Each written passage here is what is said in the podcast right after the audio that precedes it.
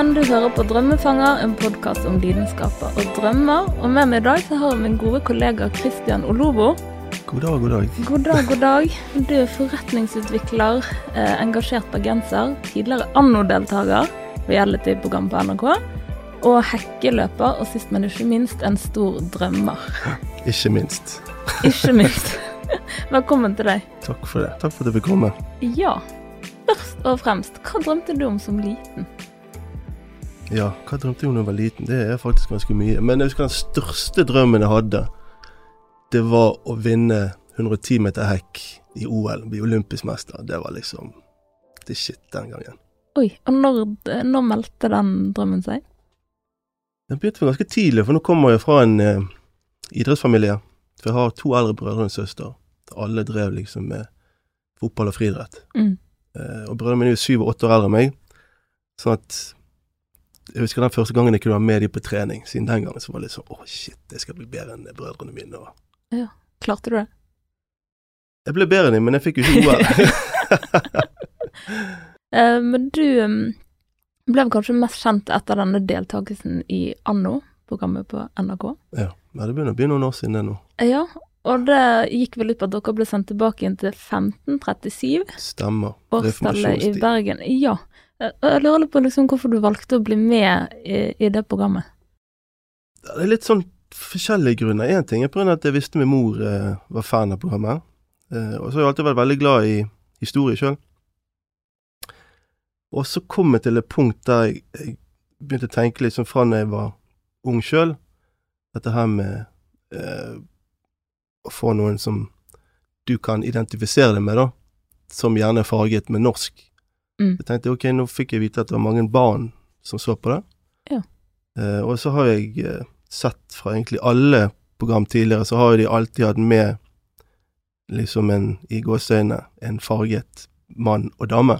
Mhm. Så da tenkte jeg, da passer jeg inn den sjargongen, da får jeg en større sjanse til å kanskje komme med. Ja. Eh, og så kom jeg med. Eh, og grunnen til at jeg ville ha være med i Annu istedenfor Farmen, Mm. det er for Farmen er gjerne mye mer intriger, og det er mer hva som skjer mellom gruppen. Mm. Eh, og de prøver å få fram disse som kjendiser, holdt jeg på å si. Mens Anno, der har du mer fokus på selve historien og håndverk og sånne Mm. ting, da. Selvfølgelig, håndverk også var en grunn til at jeg ville være med. Ja. Og lære om håndverk. Ja, jeg leste Har du svennebrev i tømring, eller Ja, noe sånt? Ja. Av alle ting. ja, så du må ha klart det ekstra fint eh, der inne, du, da. Ja, både òg. Det var jo Altså, én ting er det vi gjør, men alt var jo nytt, da. Altså alt ifra å eh, Jeg på å si spikke i stein og eh, brikkveving, veving, strikk generelt, som jeg aldri har likt. Mm. Alle sånne ting måtte du lære der inne, da. Eh, men jeg har liksom interesse for håndverk gjennom min bestefar. Ja. For alltid i helgene så ble jeg gjerne, hvis ikke min mor sendte meg på søndagsskolen, så ble jeg da sendt til besteforeldrene mine, og da var jeg nede i kjelleren og støpte tinnskip og hjalp han med å lage sånne turistprodukter som solgte på bryggen. Ja. Så det var kult. ja, for du er oppvokst i Flaktveit. Ja. Ja. De Flakk i mitt hjerte. men, men eh, kommer de også derfra? Nei, de bodde på Søreide, Ja. så det var liksom på andre siden av eh, grensen, holdt jeg på å si. Liten eh, ja, reise til Fana. Ja, en kulturreise, Mm, faktisk. stilig. Fra blokk til, eh, til hus, Til huset. og alt det innebar. Ja. Ja. Interessant. Vi skal egentlig litt uh, tilbake til de tingene seinere, men først og fremst så tenkte jeg på um, Altså, du er kjent for å være veldig engasjert i ting, så jeg lurte på om den de, de, de, deltakelsen Mm. også var fordi at du har lyst til å, å få fram disse budskapene, for at du ble jo mer kjent etter å ha vært med. Ja, ja, det er faktisk sant. Mhm. Altså For én ting er jo hvis jeg hadde skrevet innlegg i en avis eh, meg som person, som en liten flakkgutt fra Bergen. Men så skjønte jeg jo at hvis det nå er med i et riksdekkende program, så kan jo jeg få flere til å lytte, eller høre på meg. Samtidig som jeg hadde For jeg har jo alltid vært engasjert, Mm. men det er ikke alltid jeg har delt meninger og tanker med, med andre, da. Men spesielt etter det programmet her, så begynte jeg liksom å tenke mer og mer på dette her. For det, det var vel samtidig som denne her verdidebatten gikk om norske verdier. Mm. Hva det betydde å være norsk. Ja. Og det er jo noe jeg grubler på siden jeg var bitte liten sjøl. Ja. så da tenkte jeg at ingen andre alt på å si, fra A til Å-kjendiser gidder å si noe, så får jeg heller si noe sjøl, fram til andre begynner å, Ja. å stå fram. For jeg vet, jeg, jeg vet 100% at jeg er langt ifra den eneste som har følt meg annerledes. Ja. Um, så det, det også, var- Men det, det er liksom flere grunner til at jeg var med, da. Én ting er det å få en ferie som jeg aldri kunne fått betalt for. Mm. Altså bare det å møte tolv fremmede mennesker, Mm. bo med Nidarosdomen. Eh, alle de fagene og alt man lærte. Ja. Og dette, bare dette her med verdien av sukker og salt, da. Ja. For det fikk jo ikke vi tilgang til der inne. Nei. Og bare det savnet å kjenne på kroppen hvor kjapt kroppen reagerer når den ikke får Mm. Altså helt sånn basic eh, nærings... eh, Ja. Næringsrik mat, holdt jeg på å si. Men fortell, jeg husker en gang, da hadde vi vært der Jeg hadde ikke vært der mer enn en uke. Mm. Og så våknet jeg om natten, så måtte jeg så sinnssykt på do. Altså, det var, jeg måtte løpe ut, og så hadde vi sånn utedass, da. Og klarte akkurat å liksom eh, pisse, det er lov å si, sant? Ja, ja. Ja, ja. ja. ja, ja. Eh, og så etter det, da skjedde det hver eneste natt. Og jeg måtte på do hele tiden. Og da fikk jeg beskjed til slutt av en av disse legene som var i dette castingteamet, da, at det var mangel på salt. ja.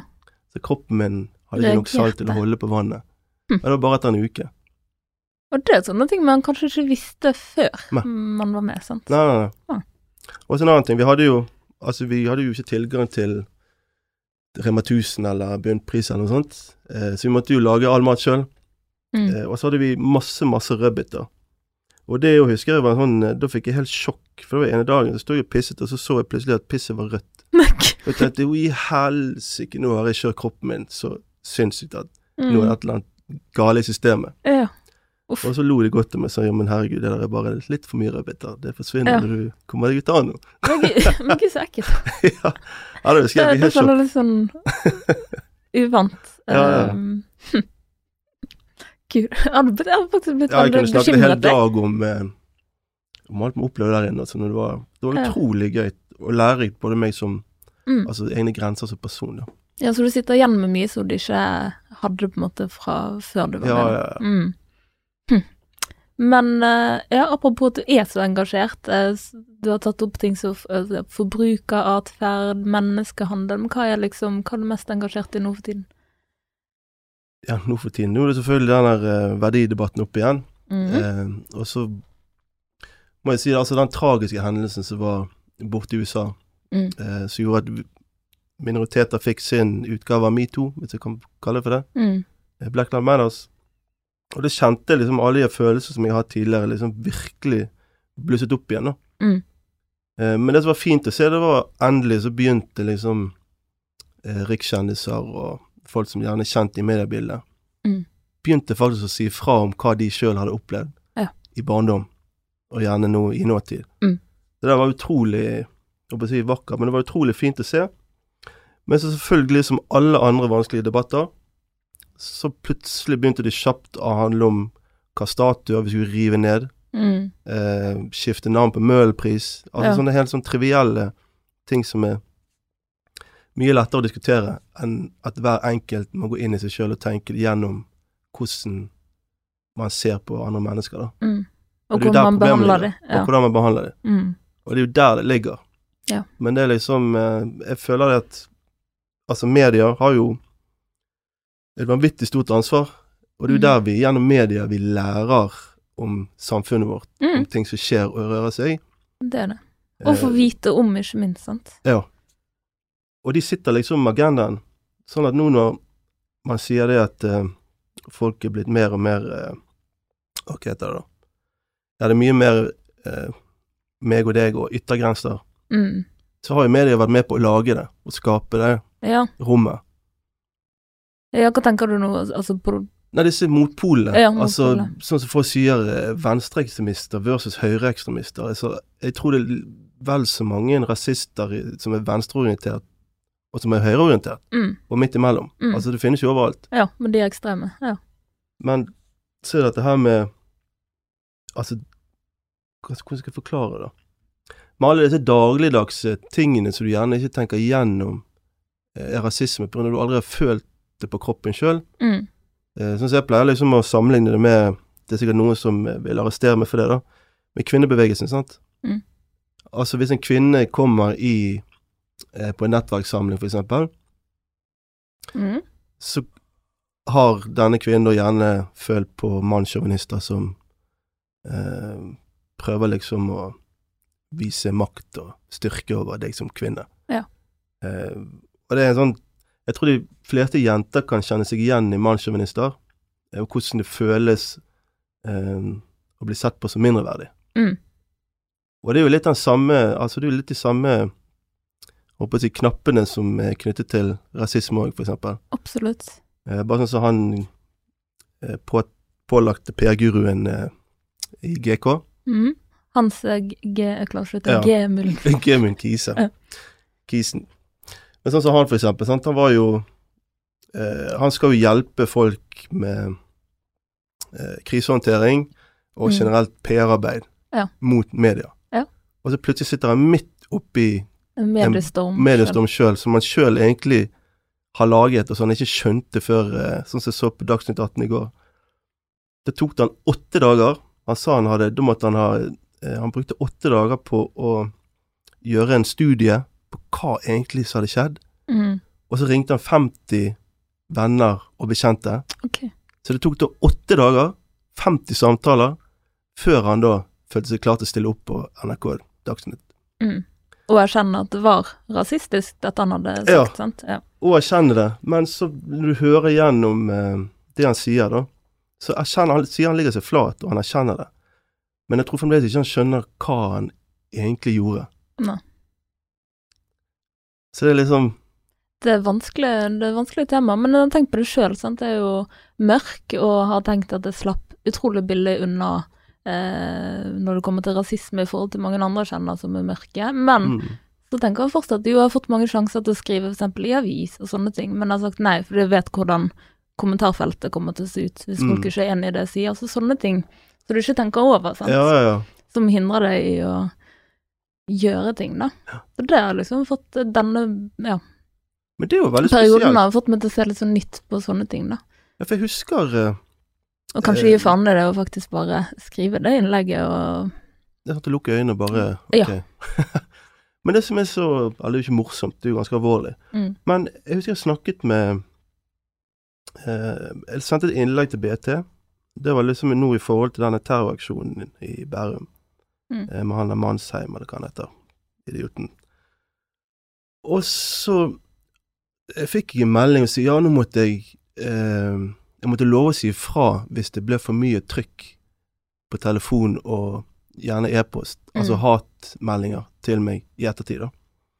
Og da husker jeg sa liksom det at nei, nå har jo jeg egentlig siden første innlegg jeg skrev, eller intervjuet jeg hadde om emnet, så har jeg nettopp ventet på disse nettrollene. Men de kommer ikke til meg i samme forstand som de gjør til en kvinne. mm. Og det òg syns jeg er veldig spesielt. Tror du det òg har en sammenheng med at du er mann? Ja, i hvert fall Ja. den diskusjonen jeg hadde med henne i BT, så, så er nok eh, eh, er nok det en liten sammenheng. I tillegg sant, så er jo jeg Én ting er at jeg er farget, men min mor er jo 100% norsk. Mm. Eh, min far er fra Nigeria. Aldri truffet han. Jeg har aldri vært borti noe annen kultur enn den norske. Sett vekk fra når jeg studerte to år i England. Mm. Sånn at man kan ikke ta meg på noe utenom selve logoen min, som er fargen. Ja.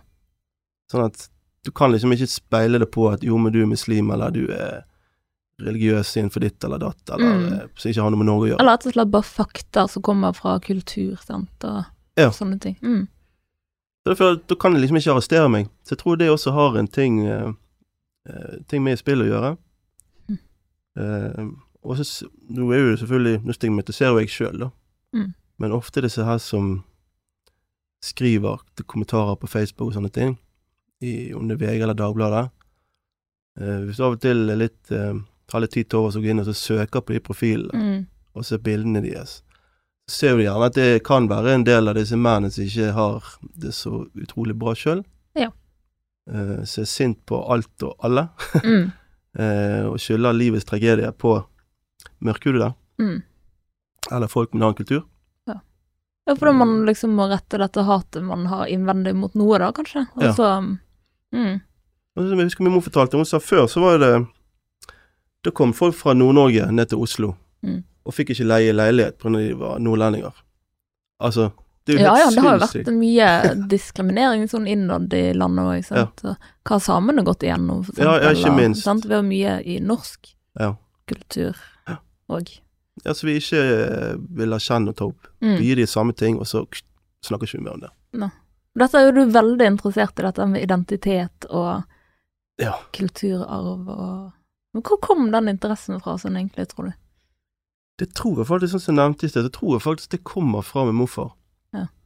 For han var utrolig interessert i historie sjøl, og jeg var vel det eneste barnebarnet som hørte på historiene om andre verdenskrig, eksempel. Jeg satt jo der med klinkekuler og syntes jo alt han sa var wow! Eh, men så skjønte jeg etter hvert at det var jo bare jeg som, som hørte på han. Ja, Så de jeg han sikkert det var ekstra gøy å ta meg med ned i kjelleren og Ja. snakke om eh, hans egen ungdom og eh, tid i vanskelige perioder.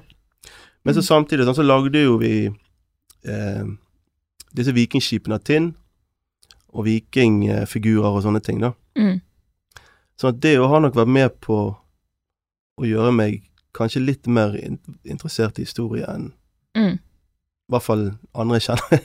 jeg kjenner. Ja. Um, og så har jeg, siden jeg da har den fargen, og opplevd sjøl hvordan det eh, kan føles å måtte stå utenfor, Mm. så har jeg alltid hatt en følelse for å tale de svakes rett, eller svakes kamp, Mm. på en måte. Så om du er homofil, eller om eh, Altså, i forhold til metoo, jeg er jo feminist, mm, og det er en grunn til at jeg er det òg. mm, Um, og samer, ikke minst. Jeg husker jeg skrev, skrev et vedlegg i VG, det skrev til og med om samer. mm, Altså, for da var det liksom dette her med Listhaug fortalte om at uh, vi måtte verne norske verdier, vi skal spise svin, vi drikker alkohol og bla, bla, bla. Så tenkte jeg, ok, hvis det er det som er norske verdier, hva da med hardingfelen, Mm. gammeldans, Ja. eh, norsk eh, historie og kultur knyttet til vikingtiden, for eksempel? Ja. Kunne det kanskje vært mer samlende enn. Å sitte og krangle om hvem som skal spise svin? mm. Altså at man samler seg om noe som man kan ha felles, istedenfor å Ja. prøve å samle seg om noe som du vet vil skille. Og som alle kan være med på. Så alle kan være med på. Mm, 17. mai og sånne type ting, da. mm. Eh, nå snakker jeg litt over hodet til meg sjøl, så nå husker jeg ikke helt hva, hva spørsmålet var. Nei, vi snakket om identitet. Ja. Men apropos, eh, når, når følte du at du klarte å samle deg sjøl til en identitet som du på en måte kunne håndfast i at ja, dette er min Ja, greit, nå er jeg nådd 40, jeg er ikke med i 40-årskrise, men jeg har vel fremdeles ikke helt funnet meg sjøl. Litt som hvis noen spør hvem er Christian Loe, så liksom, han er ingenting og mye. Ja. Um, Ja, hvordan ville du beskrevet deg sjøl, da? Nå? uff. Det er jo ikke vi klarer engang. Alltid lettere å snakke om andre ting enn seg sjøl. Ja. ja. Apropos, Men, uh, du har en face... Skal vi se, to sekk her, jeg må leite den fram. Ja. Du har skrevet på Facebook um, Den eneste du ikke ser, er deg selv. Du stiller spørsmål, tenker over hvem du har rundt deg til å svare. Uh, hva tenkte du på når du, når du skrev det? Ja, jeg Nei, det handler kjære. veldig mye om Altså, for jeg husker sjøl når jeg var liten, sant, så var jeg med folk som jeg likte. Eh, og de var gjerne med å bygge si, en, en trygghet i meg sjøl. Sånn at det var liksom Når jeg da reiste ut av Flaktveit og til nye steder, Mm, så hadde jeg liksom en, en grunnbase mm, om at jeg visste at jeg var god nok og flink nok. Mm. Eh, foruten å være snill og grei og sånne ting, da. Ja. Eh, sånn at hvis jeg da traff, hvis jeg for eksempel hvis jeg reiste til um, Tønsberg eller eh, Sandefjord eller et eller annet i ungdommen, og du traff liksom nazister på gaten, og det var liksom opphetet stemning og sånn, mm, så tok jeg ikke meg nær av det. Nei. Jeg visste at dette her var bare en haug med idioter. mm. Eh, mens Så bra at du hadde den indre troen, da. Ja, men så er det sånn så eh, med søster, sant. Hun er tre år eldre enn meg.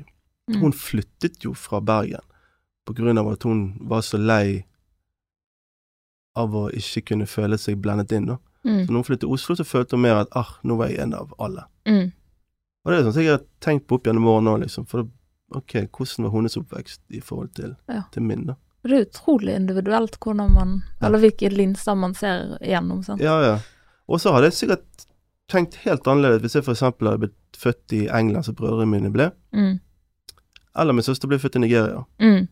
Sånn hvis jeg hadde vært født i et annet land, så kan det hende jeg hadde tenkt litt annerledes med hva dette her med å være nordmann. Ja. Ikke vet jeg. Det er sånn filosofisk, da. Jeg føler eh, at det er et vanskelig spørsmål å svare på. Altså, hva, hva er nordmann? Altså, Ja. hva, hva er det ikke? Hva Ja, ja. Uh, norske verdier, og hva vil, hva vil det si å være norsk? Det er jo Men du bor her, og du er en del av samfunnet her. Ja, det er du norsk, da, på en måte. Ja. Ja, for altså hvis du ser fra Kautokeino til uh, Kristiansand Altså, er du født og oppvokst i Kautokeino, så er du en helt annen type enn hvis du vokste opp i rundt Bibelbeltet i Kristiansand, eksempel. Mm. Eller om du er fra eh, Håper jeg å si Nå skal ikke jeg eh, Jeg tror jeg vet hva som kommer nå, faktisk. ja. Om du er fra Flakvit, eller om du er fra Fana. Ja, ja. jeg visste den. Der kom den.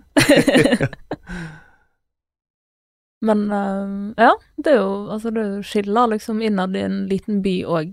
Mm, Subkulturer og det er jo det. Hiphop-miljøer og rånegjenger og Ja.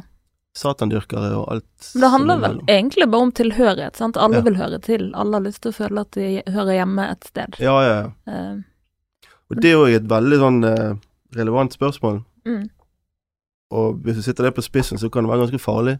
Mm. Og sånn som for eksempel disse her uh, terroraksjonene fra disse to Bærumsguttene. mm, Sånn som jeg har forstått det, så handlet det om at de ikke følte seg som en del av det Norge var i dag. mm, Eh, og de ville tilbake til noe gammelt, Ja. og hva det nå måtte være, da. Eh, og så har du, om du er Altså sympatiserer med IS, for eksempel, mm, så er jo det der med å finne tilhørighet til noe som tar deg imot, mm, enn å prøve å komme inn et sted der du vet at du ikke blir tatt godt imot. Ja. Um, og det husker jeg sjøl, altså igjen fra oppveksten, da. Altså i perioder der jeg ikke følte meg velkommen, på en måte. Mm. Eh, nå var det mest gamle mennesker, heldigvis, som, eh, som slengte driten med bussen og sånne ting. Det var ikke så veldig folk på min egen alder. Men av en eller annen rar greie bak i hodet, mm. så har jeg fremdeles til gode å kjøpe en eh, bunad, eksempel. Ja. Bunad er jo fine, men jeg tenker Ja. Jeg klarer ikke å se meg sjøl i en bunad. Jeg ville tenkt at det var kanskje typisk du som er så opptatt av ja, sant. de norske tingene, og vært Ja, med på anno og Ja, det er sant. Men Ja. det er liksom en sånn eh, Det er en sånn sær ting, da. Det er ikke Mm. noen som har sagt at du, du får ikke lov å gå med bunad. Nei. Det er mer eh, eh, hvordan jeg har sett folk reagere med andre Ja. fargede som går med bunad. Ja, Altså, for jeg har, bu jeg har bunad sjøl, og jeg har har følt litt på den. Ja. Ja. ja Det er veldig rart, da. Men det er jo ikke sånt hvis du er mørk og god på ski, eksempel, Ja. så kan folk reagere veldig på det, og hvordan har du blitt så flink på ski og Ja. slalåm og Sant. sånne ting, sant. Eh, Ja. ja, man dukker opp i Ja, sånne stereoty stereotypiske greier. Og jeg, altså jeg sjøl så jo, det var vel i vinter, jeg tror det var junior-NM eller et eller annet sånt i, på ski. Mm. Og så så jeg en asiatisk jente. Var sånn, å, yes! Mm. Men så tenkte jeg, hvorfor ja, yes? Skulle ikke det bare mangle at eh, Sant. hun er norsk? Mm, men det er det man kan jo ta Altså, kan jo ta meg i å liksom trekke slutninger på ting jeg ser på gaten, og hvem som går sammen, og farger og sånn, eh, som ikke har noe rot i virkeligheten, Sant. men sant, ut ifra det jeg ser. Ja. Eh, så har jo på en måte Jeg liker å tro at det er helt fordomsfri, men det er jo ikke det. Det er jo ikke nei. det. Sant? Det det Men det er flink til å gå inn og korrigere. Ja. Sant? Ja, det Så det er kanskje første sekundet, og så Oi, nei. Ja. Videre. Men jeg syns det er rart det har tatt så sykt mange år fra disse oljearbeiderne fra Pakistan kom på slutten av 60-, begynnelsen av 70-tallet, at det er noen Ja. som fremdeles ikke har slått seg til ro med at nå finnes det fargede nordmenn. Ja. Eh, nå så jeg til og med i dag i VG, var det hun Mm. eh, Maria Mena, Mm. eh, da la hun ut et en kommentar, eller hun har lagt ut et bilde, hun har fått seg en ny type, og så Ja. en eller annen som skrev et eller annet eh, Ja, det var det at eh, Ja, hvorfor han hadde blitt sammen med hun fordi hun var kjendis. Ja, en apedame. Ja, Ja. ja, for hun var kjendis, og det måtte være eneste grunnen, liksom. Altså fine norske blondegutten, ja. eller hva det var. Ja. Hvorfor velger du en apedame? Mm. Sånn, hæ? Og så vet du det at det er jo ikke sånn at 100 eller 90% av Norges innbyggere tenker det samme. Nei. Men det finnes jo en prosentdel som tenker sånn. Mm. Eh, jeg har jo sjøl eh, hatt noen diskusjoner. Det blir, nå blir det farlig å offentliggjøre noen, da, så skal jeg prøve å gjøre litt sånn Pakke det inn. Men jeg har hatt litt sånn diskusjoner der det kom til OK, eh, kunne du tenkt deg å hatt en eh, blåøyd, blond barnebarn? Eller Mm. kunne barnebarnet ditt vært farget? Afrikansk eller asiatisk eller Mm. eh, noe annet. Og da ble det sånn stille, og så eh, Ja. eh, Hva vil jeg egentlig ha? Hvis jeg kunne valgt sjøl. Ja, altså om du, du, du har blitt spurt direkte, eller snakker Nei, om jeg- noen andre ja, har om blitt noen andre. Ja, sånn, ja. Ja. Ja. ja. ja. Og det er liksom Det er òg et spørsmål å stille. Ja. Men da sitter du liksom Det blir liksom mer sånn konkret, da. Kunne du tenkt å ha et farget barnebarn i familien din? Mm. Og så hvis du sier nei, hvorfor ikke, sant? Mm. Så kan noen si jo, men jeg vil ikke at eh, barnebarnet skal vokse opp og bli mobbet. Mm. Og ja, men da vet du, innser du sjøl at det kanskje er Ja. rasisme i samfunnet. Men det er liksom sånne diskusjoner man kan ha når man eh, sitter på et sent nachspiel og har en uh, fyllediskusjon. Men da er det, det er diskusjoner som er viktige å ta, tror jeg. Ja, det er jo det. Men det er bare det der eh, også Jeg merker jo selv hvis ingen hadde tatt eh, de diskusjonene offentlig, så hadde jeg ikke blitt like bevisst på det, fordi at jeg har eh, sluppet ganske greit unna, faktisk. mm. Jeg har veldig godt av å se hva andre, hvordan det kunne vært, og hva andre er nødt til å gå igjennom, Ja, sant. sant. Og hvor privilegert jeg på en måte har vært sjøl. Ja, ja, ja. Og så har jo jeg Altså, nå er det folk som har opplevd langt, langt verre ting enn meg. Men det er det alltid, i alle alltid sammenhenger. Ja. Så jeg, altså, jeg var jo en sånn som han der ene eh, Nå er jeg så dårlig med navn, men han eh, En sånn sunnmøring som eh, coach, Oh, som hadde et innlegg i jeg vet ikke om NRK eller VG. Ja. Men han fortalte det at han, eh, han, var, han ble liksom mobbet da han var yngre, og så gikk han i aksjon med å ta ekstra mye solarium, for da skulle han virkelig vise at han var svart. Ja. Eh, og så sa han sjøl at det han hadde opplevd, det var jo ikke så ille, så derfor hadde han uttalt seg tidligere. Mm. Eh, men altså jeg sjøl tenkte ok, hvis jeg kan fortelle det som jeg opplevde, så må jo de som har følt det verre, føle at de eh, Hvordan skal jeg forklare? I alle fall kan. sant? Ja, i alle fall kan Mm. eh, klage, holdt på å si, Ja. eller eh, få folk til å forstå at det finnes, da. Men jeg føler liksom de sterkeste eksemplene, de på en måte, de kommer fram i lyset. Folk eh, har fått det med seg, på en måte, men de, er de mildere kanskje vi trenger å se liksom de der som er helt i grenseland, egentlig, på hva som er rasisme og ikke. Ja. Eh, Og så er det igjen det der med Jeg husker jeg jobbet i et eh, Jeg var sånn konsulent. Mhm. Og da leide vi ut eh, økonomer og sånt til eh, forskjellige bedrifter. Og så husker jeg jeg fikk beskjed om å gå gjennom noen CV-er. Så fant jeg noen flinke folk, da. Og så presenterte jeg dette for sjefen min, og sier nei, de der kunne bare ligge vekk. Så jeg, hvorfor det? Nei, for når de eh, kunden vil nok ikke ha de. Mm. For de har en annen kultur. Mm. Og da husker jeg jeg tenkte så sinnssykt mye etterpå. Altså, jeg ble så sint på meg sjøl, for jeg tenkte hvorfor tok ikke du opp den kampen? Mm. Og sa at det der er det største tullet jeg har hørt, selvfølgelig må du sende de. Og hvis ikke han vil eh, se gjennom disse her, mm, hvorfor skal vi ha han som kunde? Ja. Eh, men det sa jeg ikke. nei. Og det er jo selvfølgelig da av frykt for å ødelegge et arbeidsforhold, Mm, eller kanskje miste en kunde som tross alt gir deg eh, eh, jeg håper å si smør på, på mm. brødskiven din. Ja, ja. Eh, og så er det igjen, ok, er det rasisme, eller er det bare eh, redsel for noe annet? Mm. Da er vi akkurat tilbake inn til hvorfor mange ikke tør å varsle metoo-sak, sant? For det, det er det der du får mat på bordet fra, på en Mm. måte. Ja. Eh, Altså, det er så liksom man tør liksom ikke å Ja. men jeg mener den diskusjonen er i hvert fall langt ifra over, da. Mm, Men jeg tror ikke det hjelper å stå på hver sin hau- haug og hakke på hverandre. Ja. Ja, for det er det som er liksom faren, at alle liksom er engasjert på samme tid eh, i starten av en sånn type hendelse da, som har vært borte i USA og sånn, og Mm. så på en måte, i tiden, så blir det helt stille. Ja. Men kanskje det er da vi liksom må fortsette å snakke om det, da. Ja, for det vil nok skje nå at uh, når vi er ferdig å diskutere navn på byer og Mm. gater og statuer vi må beholde, Mm. Så vil jo det norske folk tenke at åh, endelig er vi ferdig med denne faens rasismedebatt, nå, er den, nå ligger vi den død. Mm. Men for oss andre vil jo den ikke stoppe, det vil jo være hver eneste dag, så vi Mm. kan jo ikke bli Altså, vi kan jo ikke si åh, nei, nå gidder jeg ikke mer. Mm. For det vil påvirke oss hver eneste dag. Ja. Men det jeg føler sånn med den type saker som liksom hele verden har samles om og engasjert seg i, eksempel sånn Je suis Charlie og alle disse her, Mm. så gikk det kanskje en uke, og så ble det helt stille. Mens denne gangen så det akkurat så det ble ikke helt stille. Folk, altså folk fortsetter å snakke om det, da. At denne gangen så faktisk varer det. Men så er jo det på en måte den debatten vi har, er jo den samme som vi hadde i 2017. Ja, hva tenker du på nå? Eh, Dette her med norske verdier. ja. For da så var det inne på hva liksom er rasisme, og hva er ikke rasisme. Mm. Og finnes det rasisme? Ja. Så det har gått i sånne bølgedaler. Men jeg håper nå i hvert fall at eh, eh, altså beslutningstakere og ledere Mm, innser at ja, vi hadde en metoo mm, som vi måtte ordne opp i. mm. Og ja, vi har en Ja. Black Lives Matters, for å kalle det for det. da. Du trenger ikke være svart for å bli utsatt for rasisme, Nei, nei, nei. eh, men at eh, Men et avvik, da, på et eller annet vis, kanskje. Ja. Ja, da tenker jeg at de som ikke er det, skal i hvert fall ikke bestemme om, om det er rasisme eller ikke.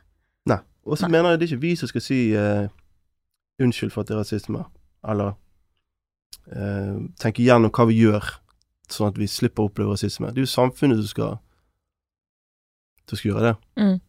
Altså, hvorfor skal jeg gå rundt og være redd for å gjøre noe uh, kriminelt, eller Ikke at jeg skal gjøre noe kriminelt, men liksom, hvorfor må jeg føle da på at hvis jeg gjør noe gale, Mm. så vil det påvirke alle andre fargede. Mm. En vanlig nordmann trenger ikke å tenke sånn. No. Han bare er en flink samfunnsborger. Mm. Gjør noe galt, får en ny sjanse. Mm. Eh, Eller det reflekterer i hvert fall på han som gjorde det. han som person, Mm. i stedet for å ta til folk i samme båt. da. Mm. Litt. Nå er vi dypt inne, ja. dypt inne noe greier. Men uh, vi skal videre til noe annet. ja. Fordi at du har et veldig spennende prosjekt på gang. Sammen med Pandora Film. ja. Nå så du litt skeptisk ut. Ja, nå vet du Oi, hva er det nå? Ja, jeg har lov til Ja, å gå inn på det, sant? ja, ja. Ja, for at du eh, har nå funnet en halvsøster i Nigeria. Mm. Ja, Eller hun Eh, fant meg, rett og slett. ja, hun fant deg. Ehm, så nå står du egentlig foran den døren som du har lenge tenkt på skal jeg tørre å åpne. Eh, hvordan, hvordan føles det? Det er utrolig vanskelig å svare på, men jeg husker Altså, da jeg var liten, det var sikkert fem-seks år eller noe sånt, nei, jeg må ha vært litt eldre, men det var før jeg begynte på, på skolen, da, så var jeg, det var en periode der jeg var så sinnssykt eh, nysgjerrig på hvem min far var. Og så fant jeg noen bilder av han i et sånn eh, familiealbum. Det var den dag i gode gamle dager da må vi ta bilder med fotoapparat. Og Mm. måtte, ja, hele den biten der. Ehm, og så satt jo min mor helt lokk på, på alt, da. Men et par år etterpå så sa hun det at nei, grunnen til at hun gjorde det, var for hun var redd for at han skulle komme til Norge og kidnappe oss. Jeg vet ikke helt om det hadde stemt, da. Men da ble Mm. jeg enda mer eh, nysgjerrig på hvem er denne fyren? Mm. Og liksom bankmann fra England og hadde Ja. sin egen fabrikk i Nigeria. Så så jeg bilder der de hadde tjenere og mye sånt. Oi. Og så ringte jeg, da. Da det var da vi hadde fasttelefon. Og det var ekstremt dyrt å bare ringe til Stavanger. Mm. Og min mor kunne jo se da på denne eh, loggen på utringninger. Da hadde jeg ringt til den nigerianske ambassaden. da.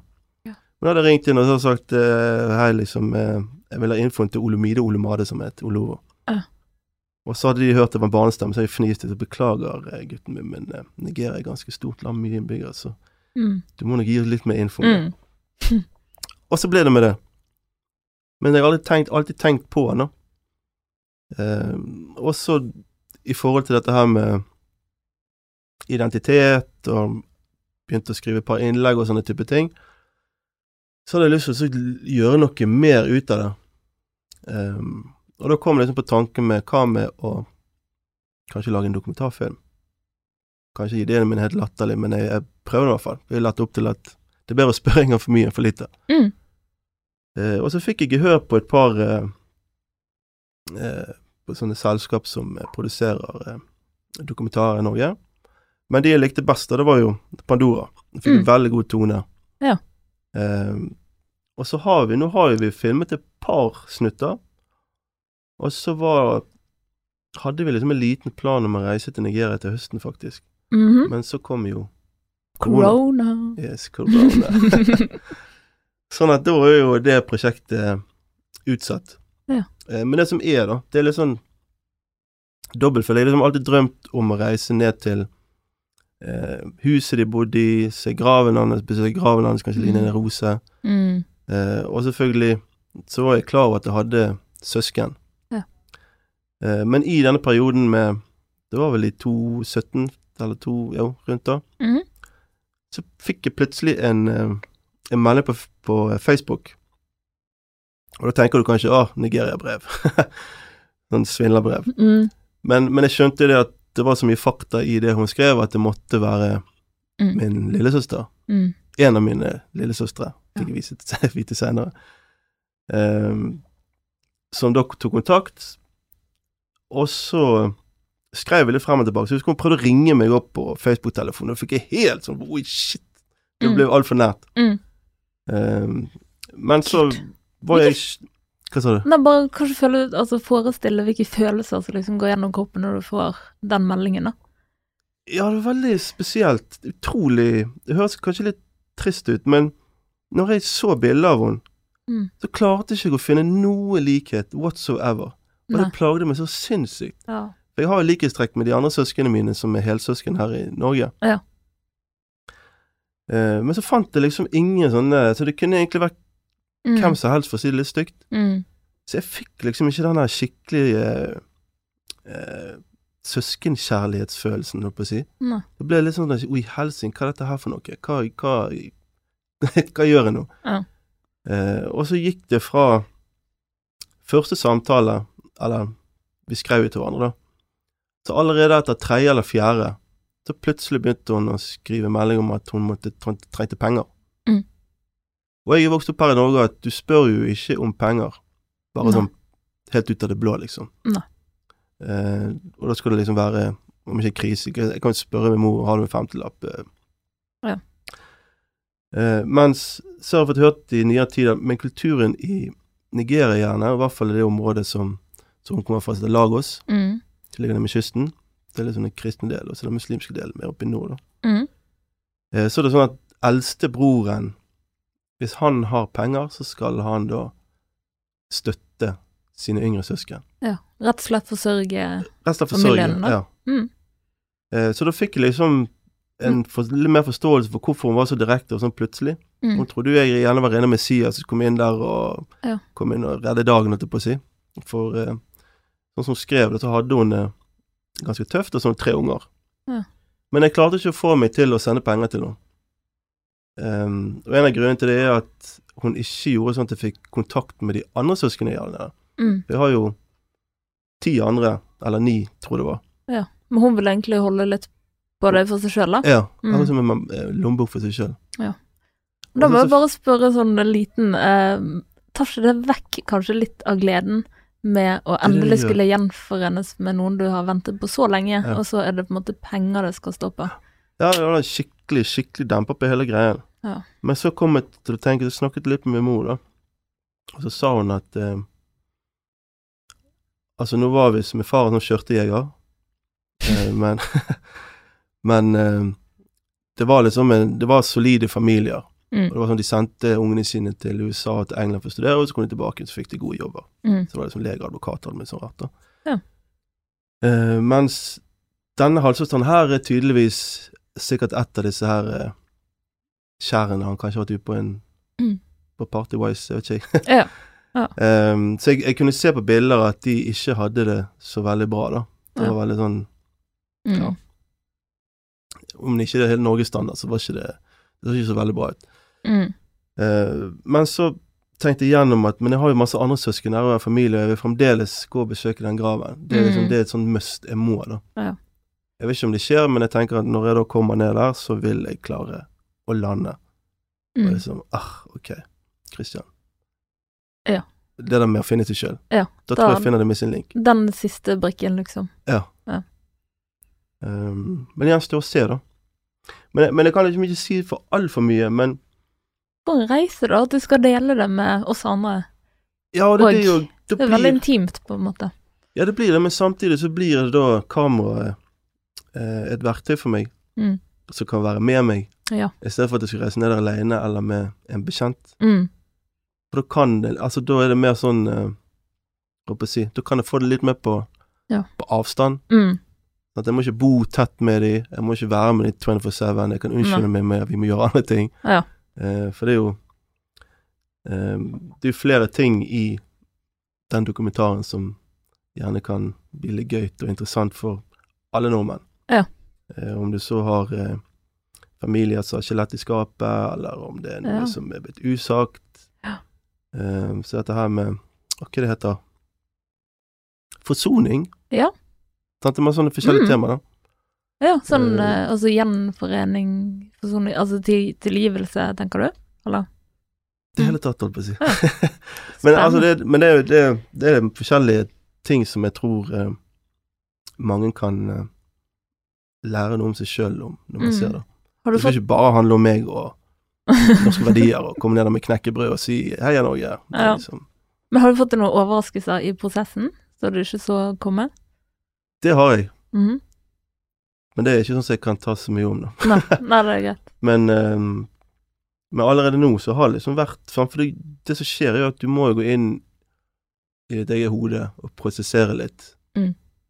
Og du begynner liksom å tenke på alt med det himmelige jo, da. Ja. Eh, og da liksom, ok, når, når dette her er ferdig, for eksempel, skal du bare pakke kofferten og stikke hjem og si takk for meg? Mm. Det det er jo det er noe som henger igjen. Jeg må jo liksom eh, Ja. eh, ha kontakt med dem, da. Men liksom Ja. på hva måte? Ja, det er jo det. Jeg tenker på dette med å åpne en dør. Det er på en måte det du gjør nå, så liksom man kan ikke bare smelle den igjen og stikke etterpå. nei, nei. Å låse døren. det blir jo opp til dere sammen egentlig å finne ut hvilken kontakt man skal ha videre. Da. Ja. Og så kommer det helt an Altså- på hva man liksom finner. Sant? Sant? Og så en ting som ikke er nevnt, da. Det er at Mm. før min far fikk eh, meg og mine brødre og søstre, så hadde han to andre sønner fra tidligere ekteskap. Ja. Det var vel sitt første ekteskap. ja. Og når min mor da reiste til England og traff min far, Mm. så hadde han disse to sønnene. Min mor ble jo da reservemamma for, for disse to. Mm. Eh, han ene, han, eh, han fikk jeg dessverre aldri sett, for han også er død. Mens Mm. han andre, da, så da er min storebror, Ja. han heter Bunmi, Ja. og han bor i Brixton. Ja. Med selvfølgelig dreads og jævla kul gammel mann. Ja. Og han ligner så sinnssykt på han ene broren min.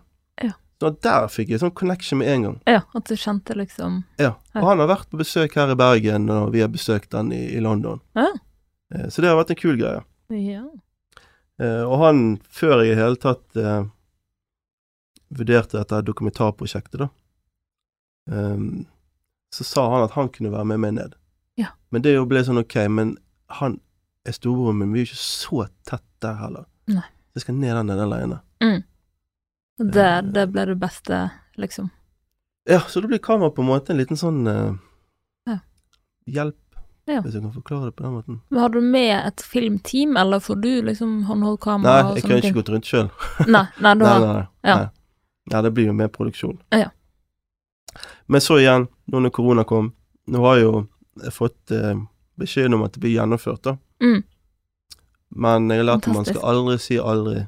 Så nå når vi først kommer til august, hvor lenge skal korona være? Ja. Hvor lenge vil korona være i, i et land som Nigeria? Mm. Sikkerhet, sånne type ting. Det kan jo kanskje ta litt tid. Sant.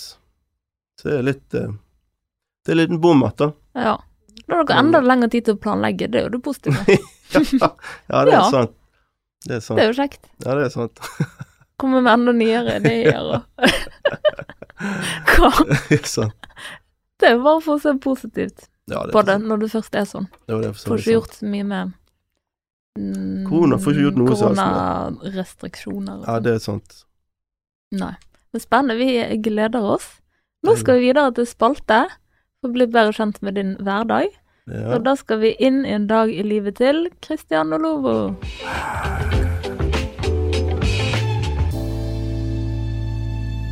Så, når står du opp om morgenen? Eh, står opp før vekkerklokken klokken seks. Klokken seks. Tidlig. Det er veldig tidlig. Det er veldig tidlig. Men jeg er blitt gammel mann, så jeg trenger ikke så mange timer søvn lenger. Å ja, er det en ting? Ja, jeg fikk høre det av eh, Kenneth, sjefen vår, at jo okay. eldre du blir, jo mindre søvn trenger du visst. Så da fikk jeg forklaring for det. Det klarer å finne ingen logiske grunner for. Men, Men ok. eh, eller merkelig grunn, så Ja. Skal jeg ta hele ruten? Hæ?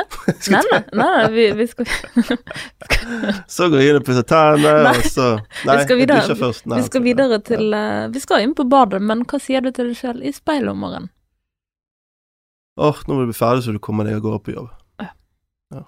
Enough we go. Enough we go. jeg er heldig som jeg kan bare ta og barbere hodet mitt og stusse skjegget.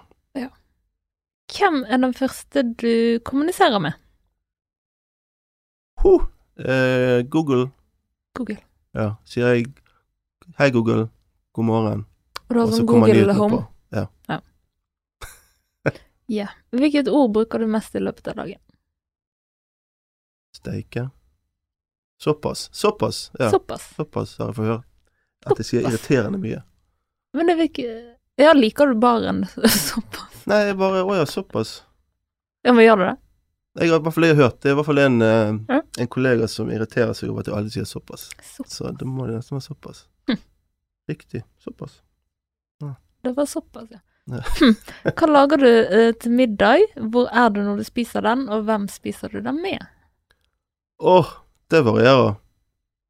Det er alt ifra eh, håper å si en eh, vanlig pizza eller en enkel pastarett. Mm. Kan spise den i forbifarten på kjøkkenet. Mm. Eh, eller jeg kan spise ute med, med venner eller eh, guttunger. Mm.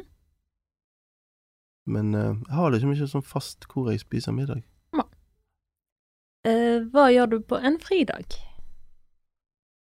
Enten så sover jeg, eller så er jeg overalt. Det er sånn, jeg er sånn enten-eller-person, da. Ja. Enten er jeg gjerne på byfjellet, eller så ligger jeg og snorker i sengen. Hvilke, hvilke podkaster hører du på? Eh, hørte du på Drømmefangeren? Ja. Det er verdens beste podkast. Så Woohoo! den lytter jeg mye på. Neimen. Hvilket lesestoff ligger og venter på nattbordet? Åh! Det er en bok som heter Pop, Pop. som jeg fikk eh, på grunn av eh, Gjennom jobben så leder jeg et eh, fagblad for musikkbransjen som heter Musikkpraksis. Mhm. Og så sender disse forlagene av og til eh, bøker Mhm. som de vil at eh, vi skal lese og gjerne skrive om. Ja. Mens sånn Pop, da, det er liksom Poppes historie. Ja. Og han ligger der, og han irriterer meg nesten hver eneste dag, for jeg klarer aldri å begynne. Ja. Så Pop. Er det tjukk bok? Han er tjukk. Jeg følte Men, det eh, sånn. ja. Og fargerikt cover. Yes. Ja. Men jeg har sykt lyst til å lese den, for jeg har hørt den er vanvittig bra. Men Ja. eh, en eller annen grunn så er ikke hjernen min koblet til bøker lenger, på samme måte som før. Men nå er det snart sommerferie. Sant. Da har du masse tid Det er veldig til sant. bøkenes eh, gleder. Ja, da fikk jeg et nytt mål. Yes. Da begynner vår eh, samtale å gå mot slutten. Tusen hjertelig takk som ville komme, Kristian. Takk for at jeg fikk lov å komme. Ja, og tusen takk til dere som hørte på. Vi snakkes neste søndag. Toodaloo.